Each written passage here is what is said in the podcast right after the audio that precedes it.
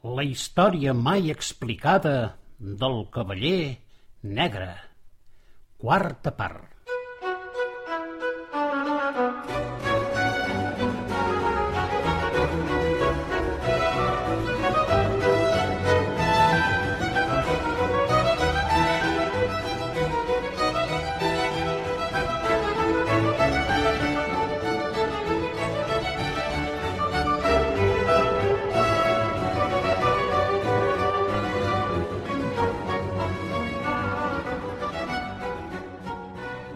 Els dos germans cavallers s'acostaven al castell del rei de la parsimònia, van veure que Vimbodí, el bufó del rei, els esperava al vell mig del pont llevadís. Quines alegries i quin munt de tombarell es feia! L'arribada dels dos germans era el que més desitjava, després d'un bon pastís de nata, és clar, que Vimbodí era llaminer de mena. Tot van ser abraçades i més abraçades. Vimbodí aleshores els va demanar que li expliquessin fil per randa tot el que els hi havia passat dins la torre soterrada. Després, els dos germans li mostraren les set claus. Totes elles eren ben iguals i totes elles duien una llegenda o inscripció gravada al coll de la clau que deia «Les claus els panys obriran més alhora caldrà anar girant. Els dos germans van preguntar Vimbodí què volia dir allò, i el pobre bufó va tancar els ulls, va fer un sospir i els va dir «Aquesta inscripció significa que l'encanteri no es desfarà si les portes de les torres no s'obren alhora. I això és un greu problema, perquè nosaltres només som tres i al castell no hi queda ningú». És a dir, van dir els germans, que tant d'esforç i tant passar riscos no ha servit per a res? No, els dos germans no estaven conformes hi havia d'haver alguna manera de poder obrir les set portes alhora. Aleshores, el germà cavaller negre va tenir una pensada. I si els hi demanem a les set fades del reialme de la parsimònia que ens ajudin? Poc que podran elles, que també estan empresonades una a cada torre però nosaltres les desempresonarem. I com ho voleu fer? De la mateixa manera que nosaltres vàrem sortir de la torre soterrada, amb aquests mocadors. Aleshores va ensenyar a Vimbodí la cistella amb els mocadors ben plegats que els hi havia donat l'Eira, la bailet del poble de l'esplai. El moment no era pas per riure, però un bufó no pot deixar mai de ser bufó, així que Vimbodí es va posar a riure i a més riure. Ha, amb uns mocadors de coloraires voleu deslliurar les fades? Ni que fossin catifes voladores? I vinga a riure i a recargolar-se de riure mentre els picarols del seu barret dringaven. Els dos germans se'l miraven i remiraven, fins que ja en van tenir ben bé prou. Silenci, Vimbodí. En lloc de riure tant, caldria que ens ajudessis a pensar com fer arribar la corda de mocadors anuats a les finestres de les torres. Vimbodí va callar i es va posar a rumiar. De tant en tant li sortia un petit esclafit de riure, però de seguida posava una cara molt seriosa com d'aquell que pensa un munt. El germà cavaller Baldufa va preguntar-li si per casualitat tenia un arc amb fletxes per llançar la corda de mocadors. Un arc? Sí, bona pensada, va dir en Vimbodí. Precisament tenim un arc, un obsequi de Missara, la filla del rei del reialba dels arquers. Ella i el seu promès Nauric van venir a visitar el rei de la parsimònia per convidar-lo al seu casament i, com a present, li portaren l'arc de l'arquer major del seu reialme, un arc ben bonic amb el seu estoig de fletxes i tot. Vimbodí es va ficar cap a dins del castell per anar a cercar l'arc. Mentre els germans esperaven, el qui es feia dir cavaller Baldufa va dir «No em sembla malament la teva idea, germanet, però no tenim prou mocadors per fer tantes cordes. Set, per ser més exactes. I a més, ens caldrien set fletxes, perquè així que en disparem una no la podrem recuperar». Just en aquell moment va arribar Vimbodí amb un vell estoig de pell on hi havia guardat l'arc. El germà cavaller negre el va obrir i certament era un arc molt bonic, i al seu costat tot de fletxes lligades amb un llaç. I heu de creure que eren set fletxes, ni més ni menys, just les set fletxes que necessitaven per llançar a la corda les set finestres. De seguida es van posar a la feina. Un dels germans lligava els mocadors i l'altre tensava l'arc, i Bimbudí s'ho mirava amb uns ulls incrèduls i anava remugant tot dient que la idea li semblava descabellada. Tot i així, no va trigar ni cinc segons a recórrer la façana del castell per buscar el millor indret per disparar les fletxes, tot vorejant el fosar. Perquè les set torres estaven situades just a la façana principal. A cada punt escollit, Bimbodí clavava un estac amb un picarol al capdamunt. «Per què hi poses aquest picarol, Bimbodí?» va preguntar un dels germans. «Perquè el poseu al capdamunt de la corda de mocadors. Així, quan la fletxa entri per la finestra i esclavi a la paret, el so del picarol despertarà les fades. La pensada d'en Bimbodí els va semblar d'allò més encertada. Un cop van tenir lligat tots els mocadors, els germans es van situar a la primera estaca. Van lligar el picarol al mocador i aquest a la fletxa. Van encaixar la fletxa a l'arc, van tensar-lo i... Zas! La fletxa va sortir disparada cap a la finestra de la primera torre, però n'hi va entrar com una exhalació. Bimbudí va agafar la ullera que tot ho veu i va enfocar a la finestra. Sí, ha entrat, ha entrat! Bona punteria, cavaller negre! Ara cal esperar que la fada agafi la corda, la lligui i baixi per ella. Després anirem per l'altra. Però el temps passava i la fada no sortia. Bimbudí aleshores va dir i si amb les fades passa el mateix que amb les set claus, que ho han de fer totes alhora? Aquell pensament va descoratjar els germans. Totes alhora? No tenien més mocadors per llançar? Però en mirar la cistella que els havia donat l'eira, van veure que dins seu hi havia més mocadors. Com pot ser? Juraria que abans els he lligat tots, va dir el germà cavaller Baldufa. Tant és lliguem aquests altres i disparem la fletxa cap a la segona finestra. I així ho van fer, i després d'haver disparat la segona fletxa, van veure que dins la cistella hi havia més mocadors, i d'estaca en estaca, de fletxa en fletxa i de picarol en picarol, els dos germans anaven disparant les cordes ficant-les per cada una de les finestres. I totes les fletxes entraven amb encert. Bimbudí no parava d'aplaudir l'habilitat amb l'art dels dos germans. Finalment van arribar a la darrera estaca, just al punt d'on s'havia de disparar la darrera fletxa. Era un moment ben delicat. Calia encertar-la, si no, tot s'anava en orris, que vol dir que res del que havien fet no serviria de res. Aquest cop li va tocar disparar al germà cavaller Baldufa. Va tensar l'arc va apuntar a la finestra i... Aixim!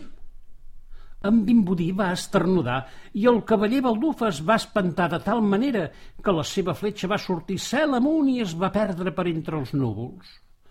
Perdoneu, perdoneu, perdoneu, perdoneu, ho he fet sense voler. Un mosquit se m'ha posat al nas i m'ha fet pessigolles. Tot semblava perdut però de cop i volta van veure la fletxa que pareixia com un llamp sortint d'un núvol i es dirigia directe a la darrera finestra. «Sí, ha entrat, ha entrat, ha entrat!» cridava Bimbudí. «I ara què? Ara? Esperar?» Però no van haver d'esperar gaire, perquè els set picarols que havien posat a la punta de les cordes van repicar tots alhora i a l'encems les fades van treure el cap per la finestra, després el cos i finalment van davallar per les parets de la torre com fent ràpel. Semblava una coreografia de dansa perquè totes elles es movien alhora i de la mateixa manera. Bimbudí va apressar els germans a pujar a la barca del fossar per recollir les set fades. Després va adreçar la barca a la vora del pont llevadís i totes les fades van entrar al castell. Un cop reunits, els germans donaren a cada fada una clau. Elles sabien perfectament el que havien de fer. Per això van demanar a Bimbudí que s'endugués els dos germans cavallers al turó que hi havia a les afores del castell.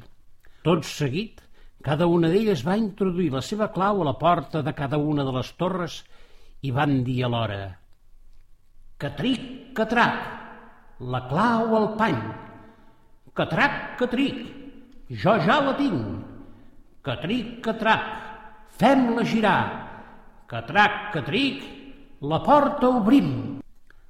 Les fades feren voltar la clau i a l'instant un gran terrabastall es va sentir i les set torres es van esfondrar aixecant una gran polseguera que ho va tapar tot i res no es veia. Poc després, la polseguera es va esvair deixant veure no pas un castell, sinó una petita cabana rodejada de cirerers i d'emmetllers i un petit caminet que es perdia enllà de l'horitzó. I just en aquell moment, unes campanes de festa es van sentir que repicaven i repicaven.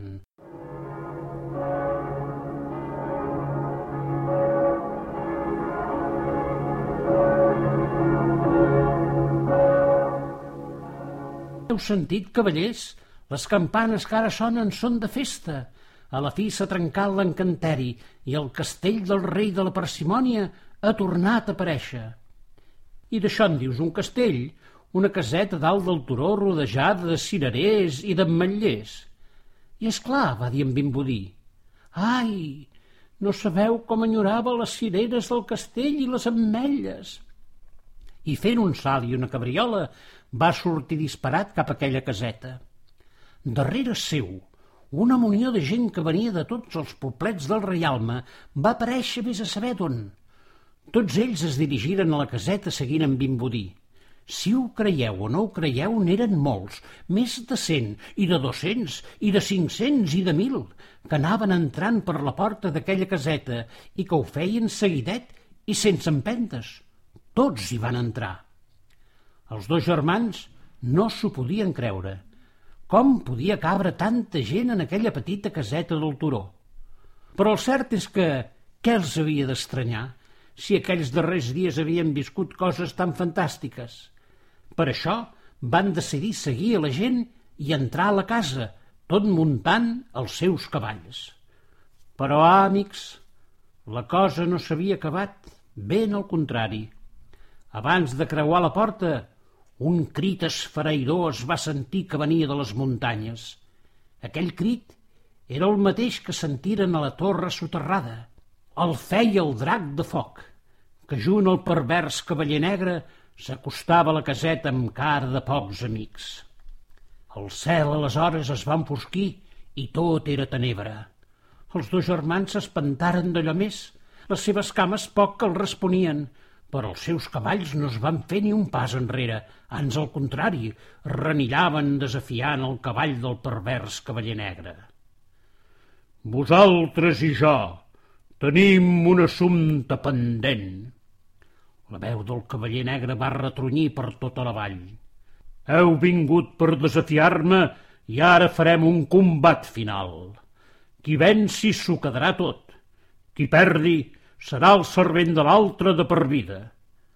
Però si nosaltres no volem res i no volem servents, en tenim prou amb tornar a casa, que els pares deuen estar preocupats. Sou cavallers i un cavaller mai no refusa la lluita. Prepareu-vos, doncs, a ben morir.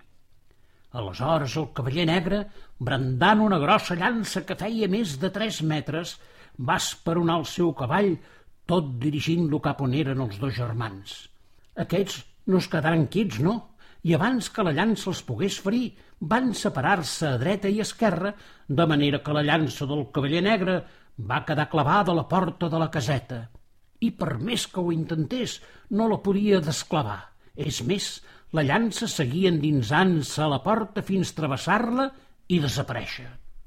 Més enrabiat encara, el pervers cavaller negre va descavalcar i va reptar els dos germans a lluitar a peu i amb espasa. La lluita podia semblar ben desigual, perquè el pervers cavaller negre era quasi com un gegant i els germans al seu costat semblaven ninots de fira. Però no van refusar la lluita. Entre l'un i l'altre anaven esquivant els cops de l'espasa i de tant en tant en donaven algun d'encertat, cosa que feia enfurismar més el pervers cavaller negre.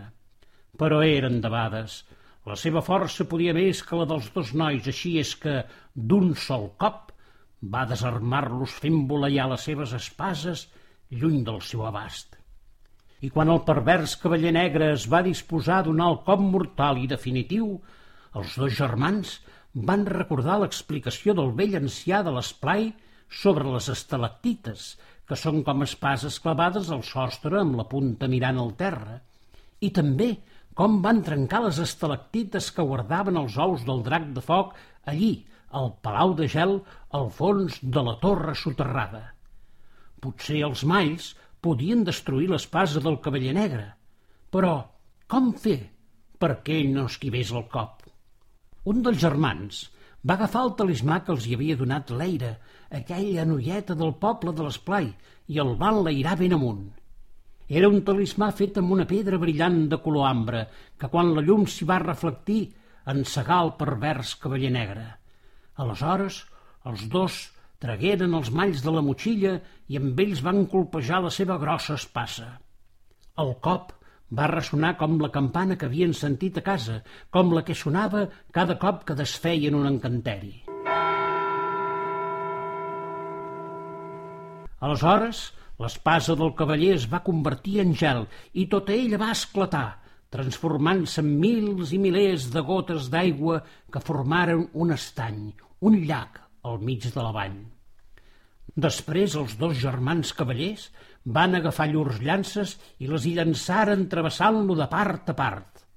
A poc a poc, el pervers cavaller negre es va anar convertint en fum, la seva cara es desdibuixava tot fent una ganyota, les seves mans i els seus braços es transformaven en filagarces de fum, les cames anaven desapareixent i finalment tot aquell fum va desaparèixer en un remolí.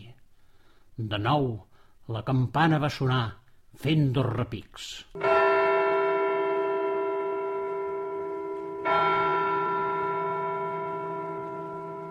El cavaller negre havia estat vençut, però encara quedava el drac de foc, que estava a la guai de tot el que passava. Enfurismat i amb ganes de destruir-ho tot, es va enlairar, disposat a arrasar l'indret i tot el que allí hi havia, casa, cirerers, ametllers i els dos germans. De cop i volta, però, la porta de la caseta es va obrir i van començar a sortir totes aquelles gens que abans havien entrat. N'eren molts, ja us ho he dit, i tots van rodejar els dos germans com quan feren el ball de benvinguda a l'esplai i van plantar cara al drac de foc. Quan el drac es va llançar sobre ells, tots feren voleiar els mocadors de festa, provocant un vendaval com un escut que impedia que el drac s'abraonés. La primera embestida era guanyada. A la segona embestida del drac van aparèixer per la porta i muntant en els seus cavalls, els set cavallers del rei de la parsimònia i ell al seu davant. Tots ells rodejaren el drac de foc i de les seves espases en sortiren uns raigs lluminosos que foradaven el cos del drac. Afablit per l'escomesa dels set cavallers i el rei, va remuntar el vol, però no es va rendir, ans al contrari, que es va acostar al sol i es va carregar de noves flames, i tot agafant embranzides va llançar en contra de la gent de la vall. Va ser aleshores que van aparèixer volant les set fades del reialme, i tot volant en cercles damunt l'estany que s'havia format amb les gotes d'aigua de l'espasa del pervers cavaller negre, van fer aixecar una mànega d'aigua que s'anava fent cada cop més i més grossa. El drac de foc no va poder evitar ser empassat per aquella mànega d'aigua que, de sobte, el va evaporar enduent-se per sempre més aquell remaleït drac. De nou, la campana va retronyir, aquest cop tres vegades.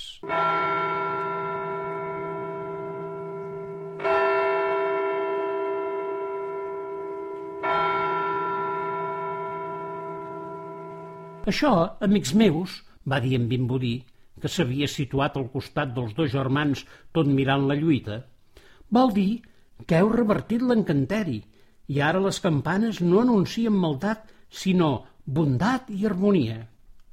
Com era de preveure i era costum en aquell reialme, tota la gent va organitzar una gran festa, però aquest cop per armar cavallers els dos germans, perquè tot i que l'avi ja els havia armat cavallers.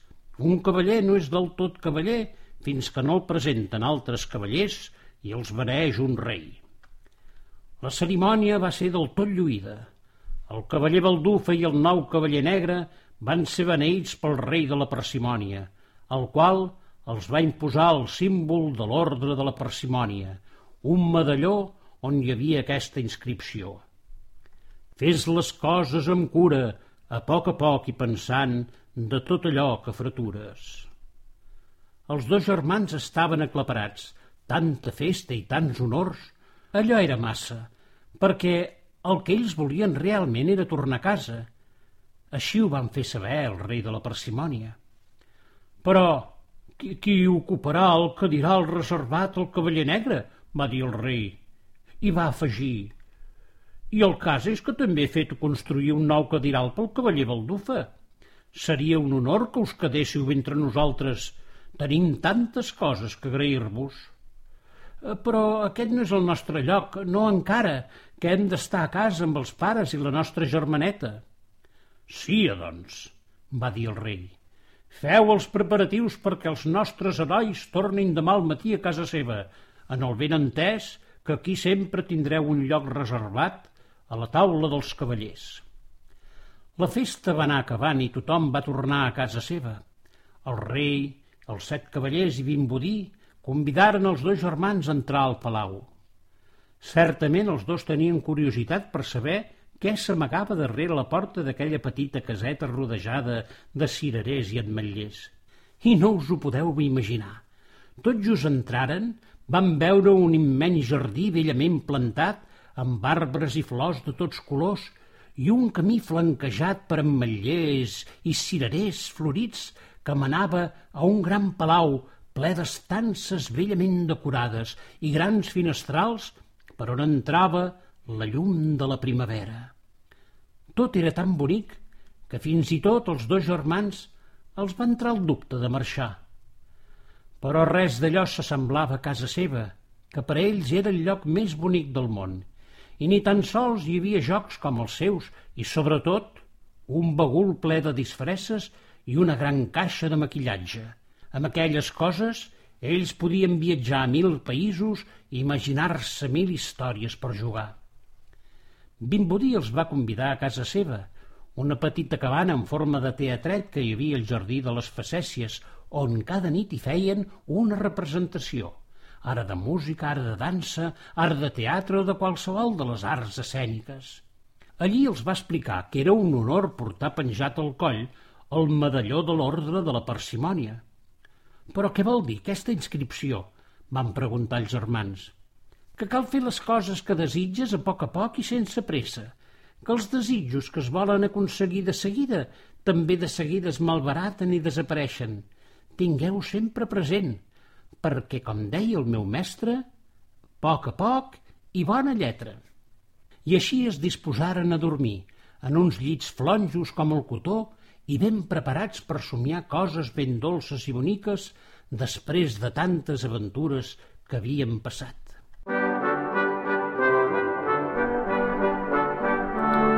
Epíleg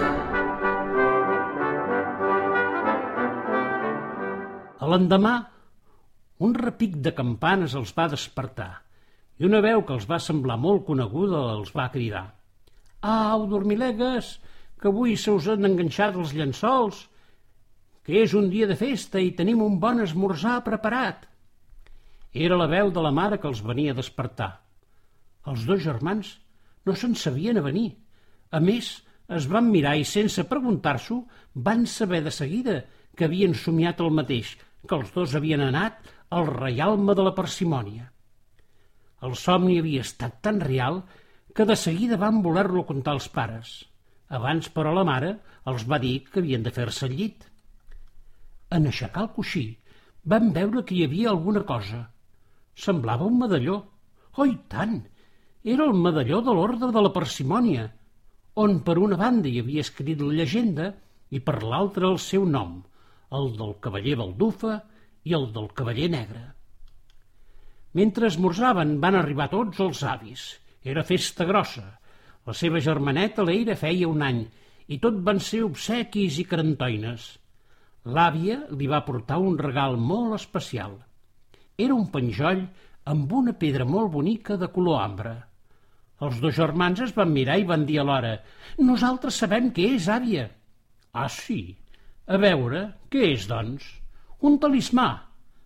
Tots van quedar ben sorpresos. I ara, d'on havien tret aquesta paraula? No és pas una paraula que es faci servir gaire? Doncs sí, va dir l'àvia, un talismà que protegirà l'eira i la farà créixer amb alegria. Aleshores tothom va mirar amb molta atenció aquell talismà.